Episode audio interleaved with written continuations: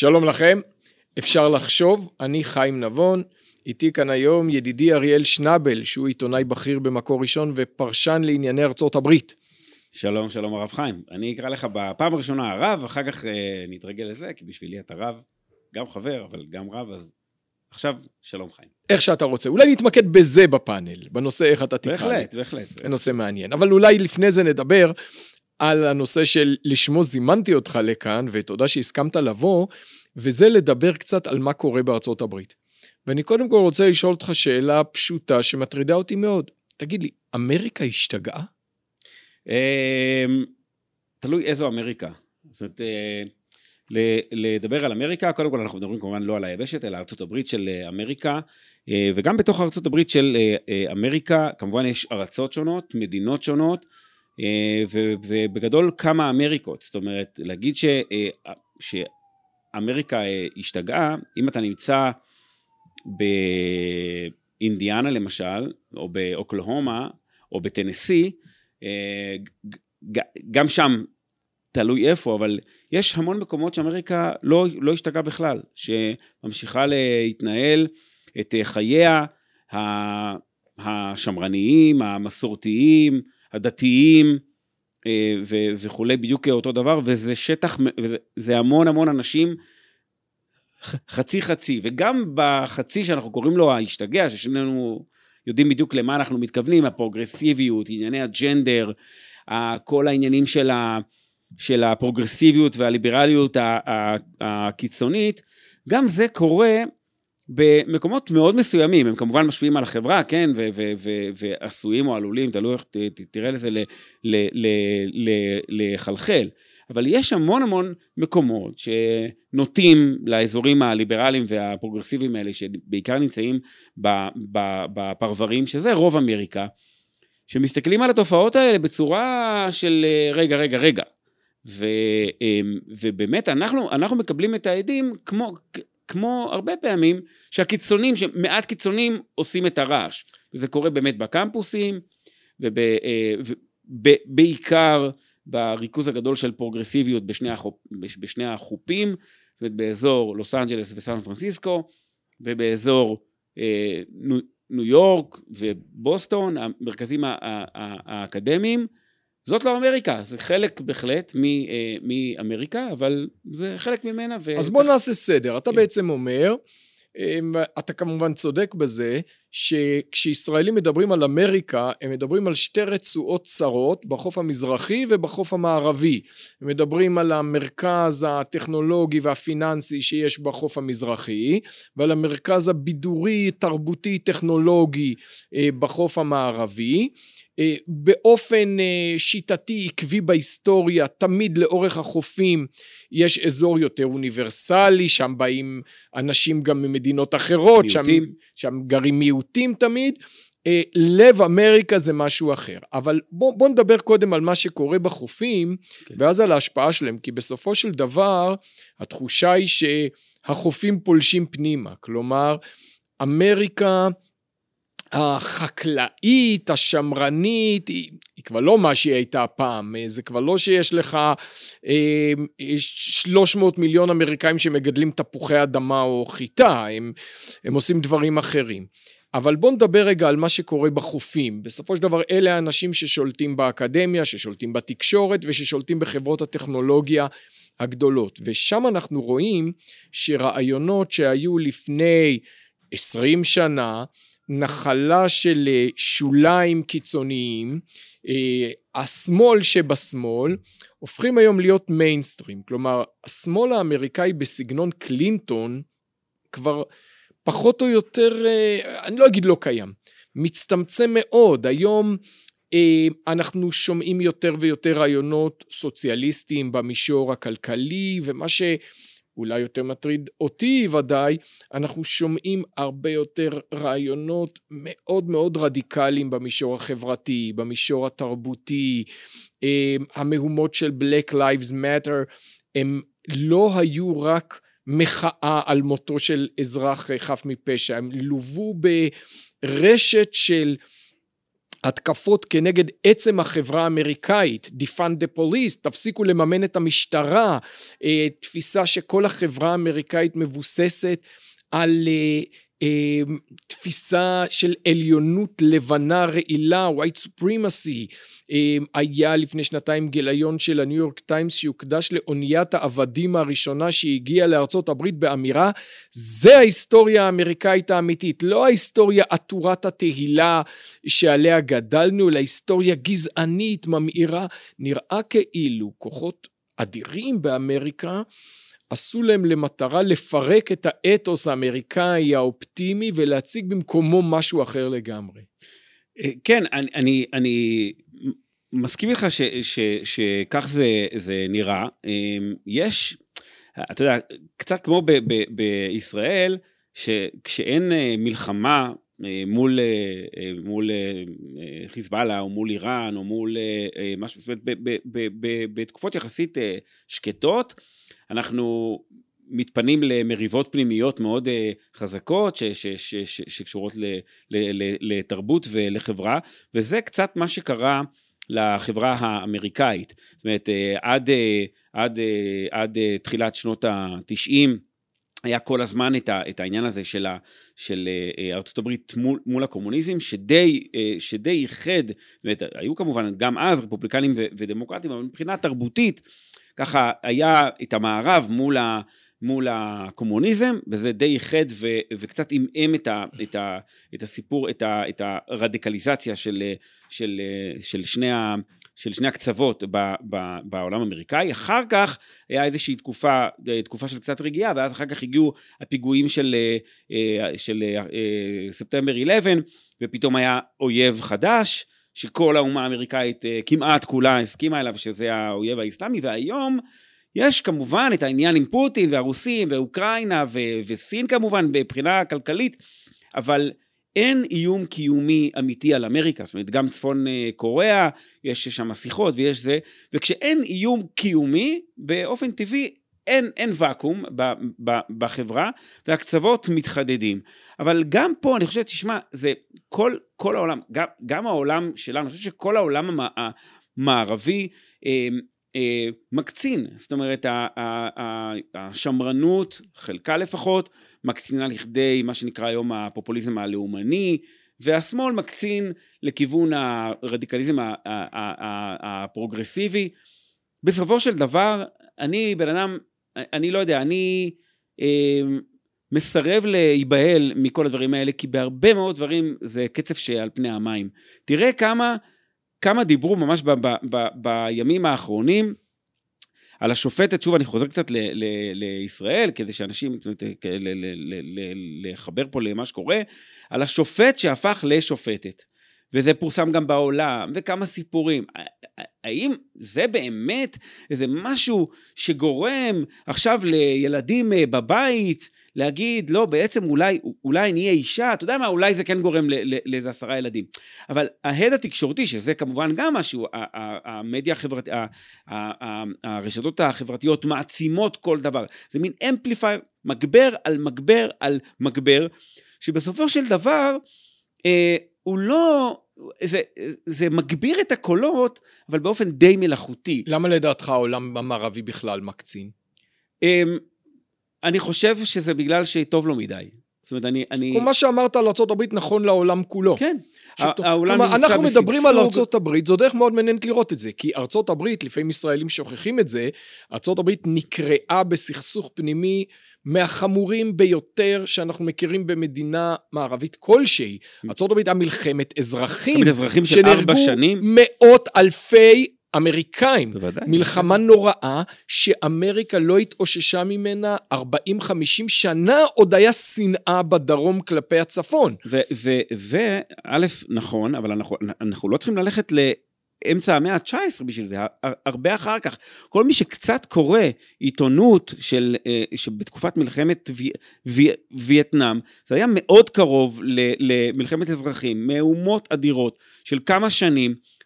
החברה האמריקאית קרועה מבפנים, וכל מי שדיבר בתקופת טראמפ של מלחמת אזרחים וכל מיני, לא, היו תקופות הרבה יותר, ואני גם בזמן אמת, כתבתי את, ה, את, ה, את, ה, את, ה, את הדברים האלה. החברה המערבית, גם החברה האמריקאית וגם החברה הישראלית נמצאים במצב כלכלי, חברתי, ביטחוני, הכי טובים שהיו. שוב, אין, כל, ה, כל, ה, כל, ה, כל האויבים הגדולים קרסו. אין את האיום של ברית המועצות, הצפון קוריאנים ניתנים אה, לטיפול, איראן עדיין לא לגמרי בתמונה. מה שקרה אצל הסטודנטים בעצם במערב בשנות ה-60 במיקרו, זאת אומרת קורה היום לכל העולם במקרו. בדיוק. הסטודנטים של שנות ה-60 היו הדור הכי עשיר שחי ברווחה הכי גדולה בכל תולדות האנושות עד אז. מפונק כלומר, מאוד. כלומר, ההורים שלהם, גדל, ההורים שלהם רובם לא למדו בבית ספר. בארצות הברית, רוב, רוב הילדים שגדלו בארצות הברית בשנות ה-20 וה-30 לא למדו בבית ספר, ודאי לא תיכון, אבל רובם גם לא, או רבים מהם גם לא ביסודי. הבנים שלהם, דור הבייבי בום, כולם זכו לחינוך, בבתים שלהם כבר מלאים מכשירי חשמל, ארה"ב בשגשוג כלכלי, והילדים האלה גדולים ויוצאים להשתולל ברחובות. כלומר, בני אדם אינם יכולים לא, לא ברוב פורענות, אבל גם לא ברוב טובה. נכון. עכשיו, כש, כש, אם אנחנו אבל נחזור לנתח את ארצות הברית ספציפית, כן. יש כאן הבדל יסודי בתשתית בין החברה האמריקאית לחברה הישראלית. וזה דבר שהרבה מעסיק אותי, כי בין ארצות הברית וישראל יש באמת קרבה ארוכת שנים, שהיא לא רק קרבה של אינטרסים, למרות שלשתי חברות אולי ההפוכות ביותר שאתה יכול לדמיין מבחינת איך הם נוסדו. כי אמריקה היא ארץ מהגרים, ש... אין לה בסיס אתני. כלומר, יש בה אנשים מכל הארצות, מכל המוצאים, מכל הדתות, הם באו ליבשת כביכול חדשה, אה, כתבו לעצמם חוקה והקימו מדינה. ולעומת זאת מדינת ישראל מייצגת את ההפך הגמור, אנחנו מדברים פה על עם עם דת מסוימת, עם, אה, עם תחושה של שותפות אתנית, שחוזר מתוך תחושה שהוא משקם פה משהו שכבר, שכבר היה, אתה רק משווה את החוקה האמריקאית ואת הצהרת העצמאות האמריקאית להכרזת העצמאות של מדינת ישראל, כן, פה מדברים באמריקה על זכותם של אנשים למחות נגד השליט שלהם אם הוא גובה יותר מדי מיסים ועל, אה, ועל זה שכל בני אדם נבראו שווים. אצלנו הכרזת העצמאות נפתחת בארץ ישראל קם העם היהודי. נכון. זה נכון שיש מחלוקת גדולה בין מלומדים עד כמה באמת אמריקה היא מין אמנה חברתית סתמית כזאת בין אזרחים שנקלעו ליבשת מסוימת. סמואל הנטינגטון המנוח אה, כתב על זה די בלהט, שגם לאמריקאים הייתה תודעה מאוד חזקה של, אה, של שותפות, של קולקטיב, הם כולם היו מאוד נוצרים, רובם היו אנגלים, יש להם שפה משותפת שזה אלמנט מאוד חשוב, ועדיין אנחנו מדברים על, על שתי תרבויות שונות לגמרי, כלומר בעצם זה לא מפתיע שאתה רואה כיתוב גדול בתוך החברה האמריקאית היא מראש הרבה פחות הומוגנית מהחברה הישראלית. זה, זה, זה נכון, אבל רק החל מבערך תחילת שנות ה-90. צריך, צריך, צריך לזכור שבמשך המון המון המון שנים, מה שנקרא הוואספים, הלבנים הלבנים, אה, אנגלוסקסים, פרוטסטנטים, היו רוב מוחלט. בשנת 1980, אם אני זוכר נכון, הם היו משהו כמו 75 אחוז. היום זה ממש על הגבול של ה-50 אחוז. והאוכלוסייה הזאת, הוואספים, שברובה המוחלט, אגב, מצביעה היום למפלגה הרפובליקנית ורואה בעצמה שמרנית, יש, יש איזושהי מפה של אה, מה היה קורה בשנת 2012, בבחירות 2012 שבהן זכה אובמה, מה היה קורה אילו רק גברים לבנים, ואני כולל בזה את כל הפרופסורים באוניברסיטאות, הפרוגרסיב וכולם, כן? מה היה קורה אם רק גברים לבנים הייתה להם זכות הצבעה?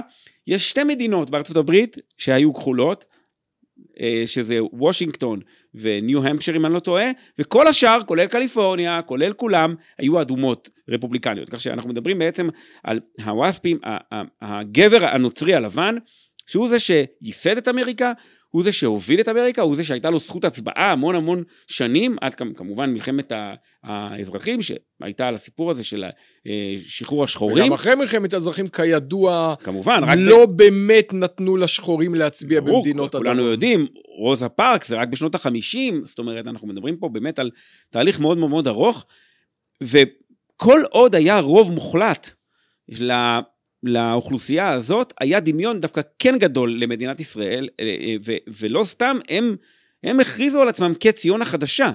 זאת אומרת, כל האתוס, כל, כל מי שקורא את הכתבים של מלחמת העצמאות, לא, לא מלחמת האזרחים, מלחמת העצמאות מול האנגלים, הדימויים שמה הם דימויים כולם, כן? כולם תנ"כים, וזה גם בגלל שרוב היודעי קרוא וכתוב, מה שנשאר לנו זה כמרים, שהם היו המשכילים. לא, האמריקאי הממוצע, טוקוויל כותב את זה, האמריקאי הממוצע, הבקיאות שלו בתנ"ך יוצאת דופן. נכון. כבר במאה ה-19. בוודאי. ו- וזה לא רק תנ"ך, זה הברית הישנה. זאת אומרת, הם רואים בעצמם ממש כל התופעות שם של אנחנו בני ישראל, זאת אומרת, זה כמובן נובע מאוונגליזם, כן? אה, אה, אה, מה שאנחנו היום קוראים אוונגליזם.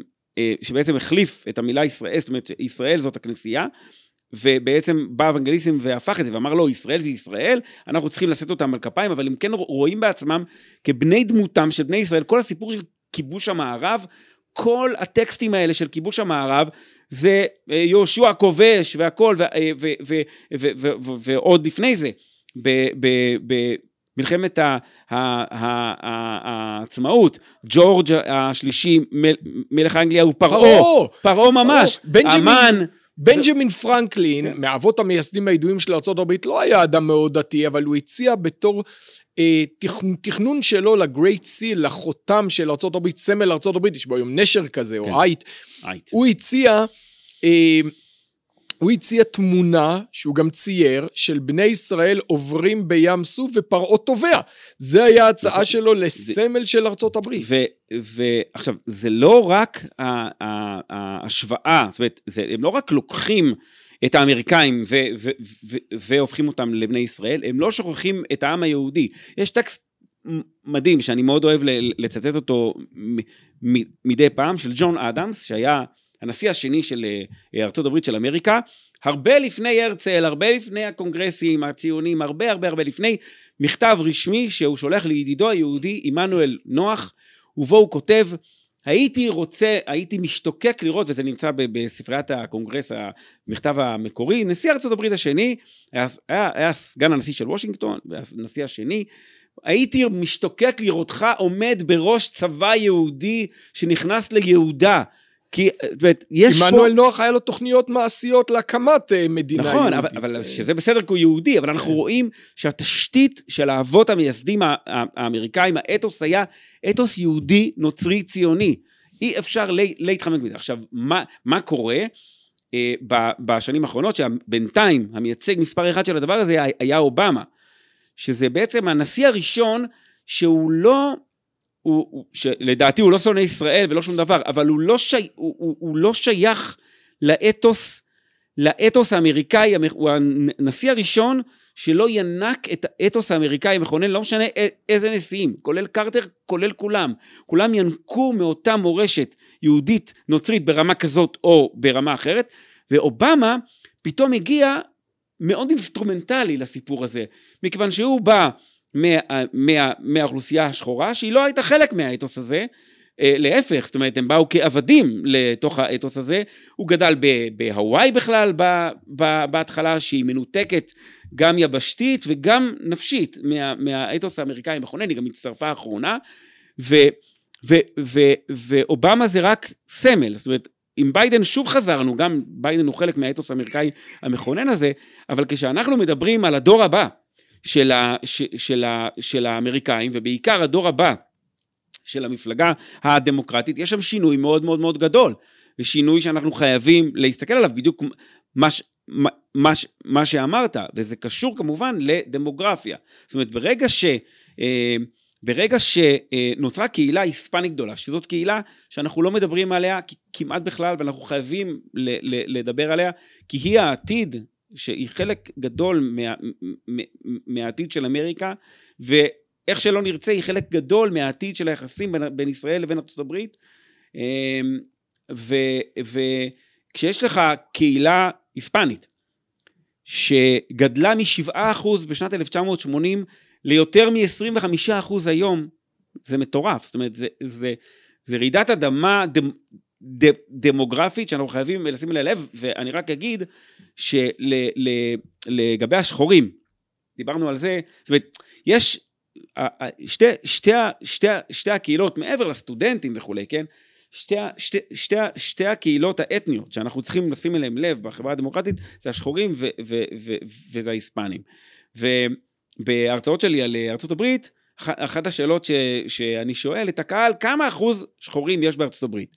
והתשובות נעות בדרך כלל, אם זה קהל שלא ממש מומחה. בין 30 אחוז ל-50 אחוז. 30 אחוז ל-50 אחוז, כשהתשובה, כשהתשובה הנכונה היא 12-13 אחוז. כן. ואנשים אומרים, מה, לא, לא יכול להיות. למה? זה א', נובע מזה, שכמו שאמרת, ונכון, הישראלים מכירים את החופים, לשם הם נוסעים, הם עוברים במנהטן, הם רואים אה, שחורים מהרלם, הם רואים בטלוויזיה כמובן, הליברלית, אה, ובקולנוע, שליד כל שוטר לבן חייב להיות את השוטר השחור, אבל הם לא יודעים שאני יכול לקחת אותם למסע של 3,500 קילומטר ממפרץ אה, מקסיקו ועד גבול קנדה ולעצור בתחנות דלק והם לא יראו במשך חודש וחצי שחור אחד.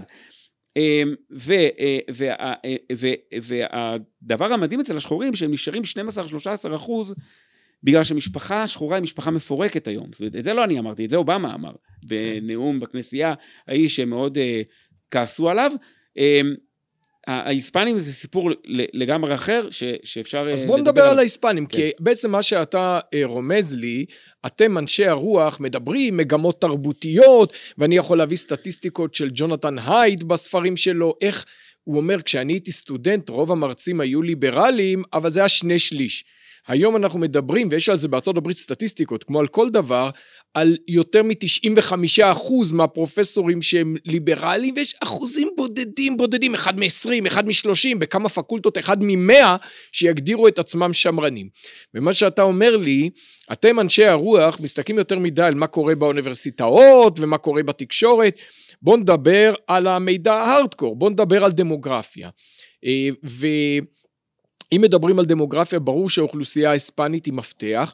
האוכלוסייה הזאת, למרות שדמוקרטים סופרים אותה כחלק מהאוהל הגדול big שלהם, big tent שלהם, היא לא בדיוק האוכלוסייה הקלאסית שתומכת השמאל הפרוגרסיבי. מצד אחד כלכלית, יש להם כן נטייה לשמאל כלכלי בגדול, בממוצע. מצד שני, תרבותית, הם יותר דתיים מהאמריקאי ממוצע, הם קתולים, זה טיפה בעיה לישראל, קתולים היסטורית פחות אוהבים אותנו מאשר פרוטסטנטים, הם קתולים, אבל הם שמרנים מבחינה תרבותית, מה שיוצר קונפליקט בשביל, ב, בתוך השמאל האמריקאי, ואולי הזדמנות לימין האמריקאי.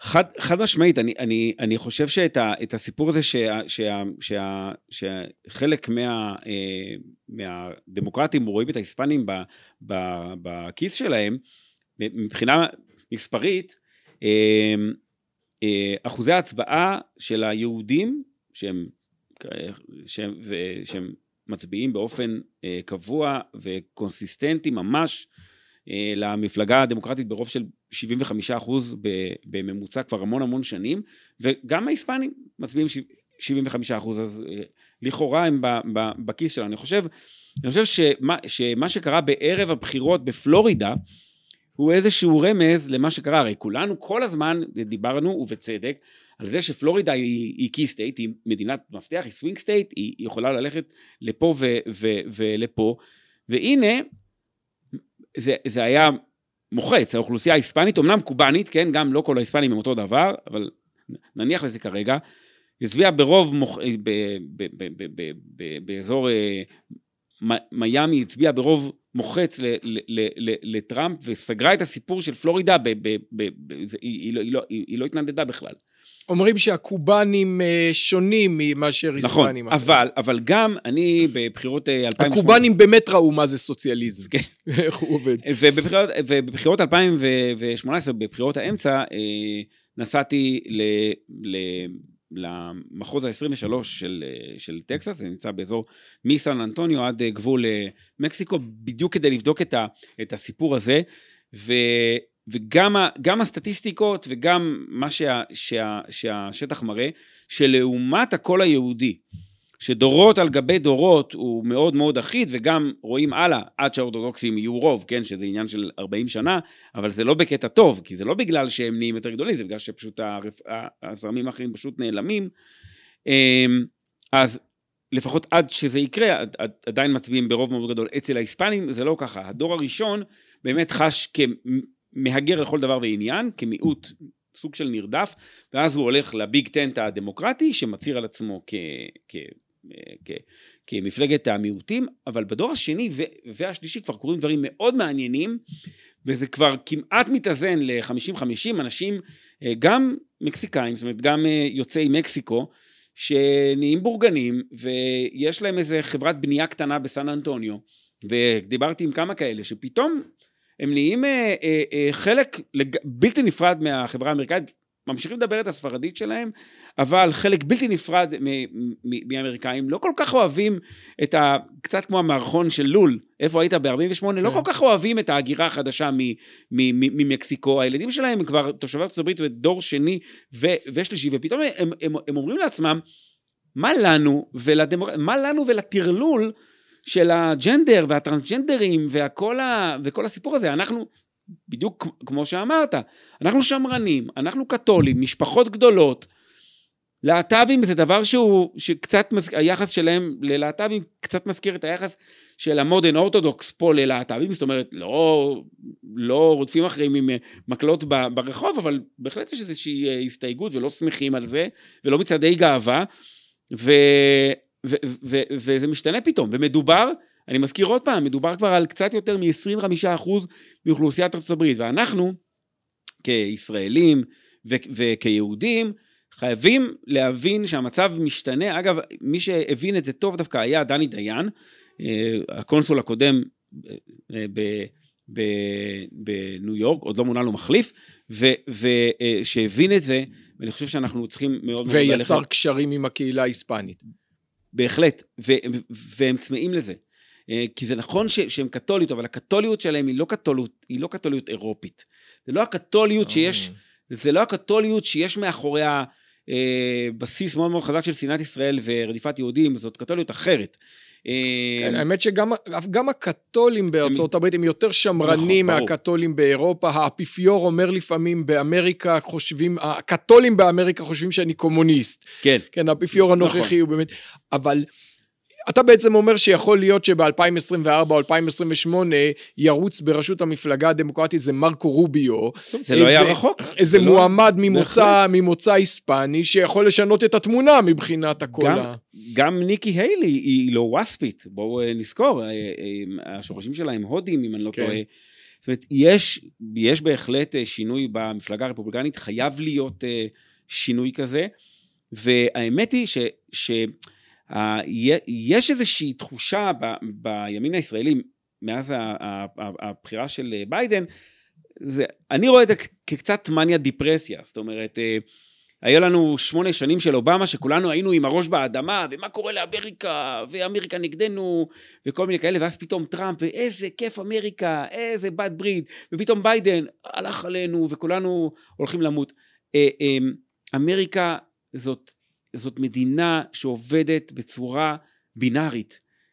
הכוח שמניע אותה הוא כוח בינארי, אפס ואחד. זה או שאתה כחול או שאתה אדום. ואין שום סיבה לחשוב שה, שהתחלופה הזאת, שהיא תחלופה של כל ארבע, בדרך כלל כל שמונה שנים, לפעמים כל ארבע שנים, זאת אומרת, הפעם, הפעמיים האחרונות שזה ככה כל ארבע שנים אמנם היה לנשיא רפובליקאי, אין שום סיבה להאמין ש, ש, שזה לא ימשיך. לא, אני אבל, אני, אני אחלוק עליך, אולי לא אחלוק עליך, תגיד אתה, שארצות הברית היא לא לגמרי בינארית במובן זה שישראלים לא מבינים שיש בה הרבה מוקדי כוח. ישראלים רואים את הדמות של הנשיא ומדמיינים שזה שליט יחיד חזק מאוד ולא מבינים שנשיא ארצות הברית הוא מנהיג חלש מבחינת סמכויותיו. הוא לא יכול להכריז מלחמה בלי הסכמת הסנאט, הוא לא יכול להעביר תקציב בלי הסכמת הקונגרס, הוא תלוי בהרבה מאוד גופים אחרים עצמאיים. אמריקה היא מדינה פדרלית, למושלי המדינות יש סמכויות רבות, פחות ממה שהיה להם פעם, אבל באמריקה הזהות של הנשיא היא לא קובעת הכל. בית משפט העליון שם חזק מאוד, והוא עכשיו רפובליקני, כלומר... לעשורים קדימה. עשורים קדימה. עשורים קדימה. אלא אם כן ביידן ירחיב לא אותו, יקרה. מה שהוא מאיים לעשות, זה לא יקרה. אי אפשר, אי אפשר לעשות, תראה, אני, אני אמ, כל, כל, כל, כל מה שאמרת כמובן אה, נכון, וכל זה נובע מהמסמך הגאוני ביותר שנכתב אי פעם, למעט התנ"ך, זה ברמה הזאת, אולי המגנה קארטה, בסדר, מבחינה זה, אבל החוקה האמריקאית היא מסמך שדווקא, שבגמישות שלו, בקשיחות שלו ובגמישות שלו, זה גאונות צרופה, ש, אמ, שמצליח לתחזק את ארה"ב של אמריקה כמעצמה אדירה עד היום למרות המתחים האדירים שבה. ו... והסיפור הזה, וגם איך משנים חוקה, ואיך מכניסים את, ה, את התיקונים, זה, זה, זה גאוני. ובאמת באמת, הסיפור של האיזונים אה, אה, ובלמים שיש ב, ב, ב, במשטר האמריקאי, הם כל כך יציבים וכל כך... אה, זה שאפילו אפילו נשיא כמו טראמפ שבאמת זה לא, לא הצליח ל, ל, ל, עכשיו וזה זה, זה מאוד מאוד נכון ובנקודה הזאת הרבה מאוד אנשים ב, בישראל חושבים את, את, את מה שאמרת וגם רואים שביידן הוא נשיא אז אומרים ביידן הוא נשיא דמוקרטי הדמוקרטים הם נגד ישראל הלך עלינו בארבע שנים הקרובות. זה לא נכון בדיוק בגלל מה שאמרת. מכיוון שיש לנו את בית הנבחרים ויש את, שהוא הבית התחתון ויש לנו את הסנאט שהוא הבית העליון. וזה נכון שביידן כמו טראמפ אגב נכנס לתפקיד שלו עם רוב ב, אה, ב, בשני הבתים. אבל על איזה רוב מדובר? עוד רוב כזה ועבדנו. וב, ובהפוך על הפוך זה מסייע לביידן, ואני אסביר למה. בית הנבחרים, אה, מה שקרה בבחירות, אה, בבחירות האחרונות, בבחירות 2020, שהכניסו את ביידן לבית הלבן ולכן זה נצבע כניצחון ד, ד, ד, דמוקרטי, היה בית מטבחיים בעבור המפלגה הדמוקרטית בכל מה שקשור לבית הנבחרים. בית מטבחיים. כישלון אדיר וקולוסלי, שהומעם בתקשורת כי ביידן נכנס. בכל זאת השיגו רוב.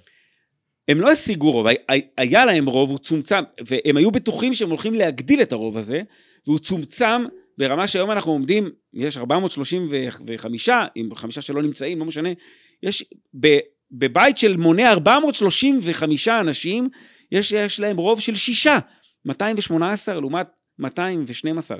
זה כל הסיפור. ובסנאט, נכון שהם הצליחו לנצח את שני המרוצים בג'ורג'יה, שלפני זה היה 52-48, אבל אה, הם, הם, אה, וכרגע זה, זה 50, 50, אה, אבל, אבל זה, זה, זה בעצם כמעט, כמעט אפשר לומר שזה 51-49, יש לפחות סנאטור אחד, אני מדבר ספציפית על ג'ו מנצ'ין ממערב אה, וירג'יניה, שהוא אמנם דמוקרטי, אבל הוא מגיע ממדינה אה, אדומה מאוד מאוד, מערב וירג'יניה, שלא כמו אה, וירג'יניה רגילה, כן? רק לשומענו וצופינו נזכיר שבארצות הברית משום מה אדום זה הצבע של המפלגה הרפובליקנית. כן, כן, כן, נכון. אז אמ, הסנטור הזה, שהוא דמוקרטי, מגיע מזה, והוא חוזר ואומר כל הזמן, אגב, גם ממש ממש עכשיו, לאחרונה, אה, הוא כל הזמן אומר, אני לא אתן יד ליוזמות שבעיניי הן לא דמוקרטיות, ושבעיניי הן הן לא צריכות להיות. אני סתם, אני, אני אתן דוגמה, זה כמובן אה, יבוא לידי ביטוי גם בניסיון הרחבה של אה, מספר בית, אה, של מספר השופטים של בית המשפט העליון, אבל ממש עכשיו על הפרק, יש את ניסיון ההפיכה של וושינגטון DC, של מחוז קולומביה בעצם, שבו נמצא הבית הלבן, למדינה. יש, יש טענה היסטורית, כן, גם על הלוחיות רישוי של הרכבים במחוז הזה, כתוב אה, אה, אה, מיסים בלי ייצוג. זאת אומרת, זה, ככה הם מרגישים, taxation without representation, כן, לעיר. הבירה של ארה"ב אין מושב בסנאט, כי כמו שירושלים לא נתחלקה לשבטים, כך להבדיל, נכון. וושינגטון די.סי לא מוגדרת כשייכת יש לאף להם- state. נכון, יש להם, אה, יש להם אה, שלושה חברי אה, בית, בית נבחרים, אבל, אבל אין להם סנטורים, ויש עכשיו יוזמה להפוך את, את, את, את אה, DC למדינה, אגב, בהערת אגב, איך, איך יקראו לה? הרי יש כבר מדינת וושינגטון בחוף כן. המערבי, אז מדברים על זה שיקראו על זה לשם פר, פרדריק דגלס, אחד מ- העבד המשוחרר בדיוק. המיתולוגי. אבל בסדר, זה כבר עניין אחר. אבל זה לא יקרה. למה זה לא יקרה? מכיוון שלפי החוקה, כדי להעביר את, ה, את, ה, את ההחלטה הזאת, צריך רוב של 60 ב, בסנאט. אין רוב של 60 בסנאט, כי יש לנו 50-50. אבל אפשר להעביר החלטה ב-50-50, יחד עם הקול של קמלה האריס, לשנות, לשנות את את הרוב הזה. הכללים. אבל זה גם לא יקרה בגלל ג'ו מנצ'ין. כי ג'ו מנצ'ין וגם עוד, עוד, עוד סנאטור מ- מ- מאריזונה אמר, זאת החלטה שלא מקבלים ב-50-50, אני, אני לא מוכן לזה, אני לא... למרות שלמפלגה הדמוקרטית יש אינטרס פוליטי גדול מובהק. מאוד להגדיר נכון. את וושינגטון כמדינה. אבל לג'ו לא- מנצ'ין יש אינטרס מובהק להמשיך להיות סנאטור, וזה לא יקרה במפל... באופי הפדרלי המבוזר של הפוליטיקה האמריקאית, מפזר פה את הכוח באופן כזה שאין לנשיא ביידן ולמפלגתו שליטה בלעדית. בסוף ג'ו מנצ'ין חוזר לבוחרים שלו ויש לו אחריות אישית כלפיהם, מה שאין בארץ. נכון. אה, אנחנו יכולים ללמוד דבר או שניים מהשיטה האמריקאית, אבל אני רוצה אה, לקראת סיום לחזור מפוליטיקה לדת. אנחנו מסתובבים מדי פעם מסביב לזה, באמריקה יש יסוד דתי חזק, ואני רוצה להגיד דבר שרוב הישראלים לא מודעים לו בכלל. קודם כל, באופן כללי יש לנו נטייה לחשוב שהעולם הולך ונהיה חילוני באופן עקבי, וזאת אמירה שבשנות החמישים של המאה העשרים אנשים אמרו אותה גם בישראל, תראו על ישראל של היום, היא נראית לכם יותר חילונית ממה שהייתה בשנות החמישים, כלומר, זאת אמירה מאוד לא מדויקת, יש סוציולוגים שכבר גליל. חזרו בהם לגמרי מתזת החילון הזאת. אבל אם אתה מתייחס לארצות הברית באופן ספציפי, היסטורית הברית, כל 50-60 שנה היה שם Great Awakening. היה שם גל סוחף של התעוררות דתית.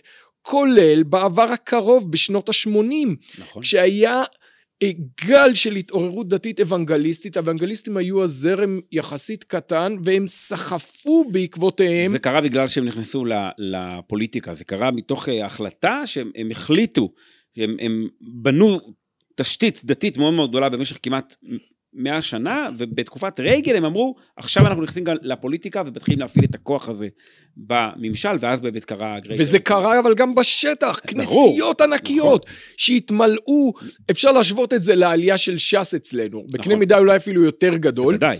אה, היום הם בדעיכה, גם דמוגרפית מסוימת, אבל אם אתה מסתכל על ההיסטוריה האמריקאית, האם נראה לך סביר שאנחנו נראה בעשור, בשני העשורים הקרובים, שוב גל כזה של תחייה דתית, מי יודע מאיפה, באתר- בחברה האמריקאית? כן, אז זהו, אז זהו, שאנחנו לא יודעים, מכיוון שכל ה- ה- האירועים האלה, זה, זה קצת מזכיר את, ה, את אה, שינויי, את שינויי האקלים, שיש לך כל מיני אה, פיזיקאים כמו ניר, ניר, ניר שביב ויונתן דובי, אם אני לא טועה, ש, שמראים שאין ויכוח על זה שיש התחממות גלובלית בשנים האחרונות, אבל צריך להרחיב את הסקאלה ולראות מה קורה. אנחנו, זה עולם שיש בו, אה, שיש בו גלים ויש בו תנועות ויש בו הכל. אני לא חושב שמישהו מאיתנו יכול אה, לדעת מה באמת יקרה, גם מדברים המון המון עשורים כבר על שקיעתה של אמריקה, וכל פעם מחדש אנחנו רואים אותה כמה, נתחייה באיזה נושא אחר.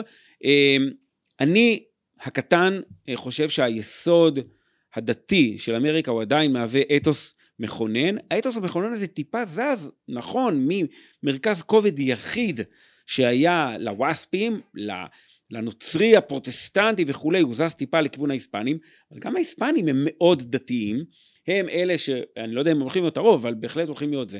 ואם באמת תהיה תנועה שלהם, גם מבחינה פוליטית, י- ימינה, השמאל שוב יהיה בצרות, כי השמאל החילוני מביא פחות ילדים ל, ל, לעולם, הוא, סליחה ש, ש, שאני אומר את זה, הוא, הוא פחות אופטימי ופחות שמח, ובסופו של דבר העולם יש לו אינרציה ש, שהיא היא נובעת מטוב, אני, אני לפחות אה, מאמין ככה, ו, ולכן התנועה היא כל הזמן אופטימית. העולם הולך ונעשה יותר טוב.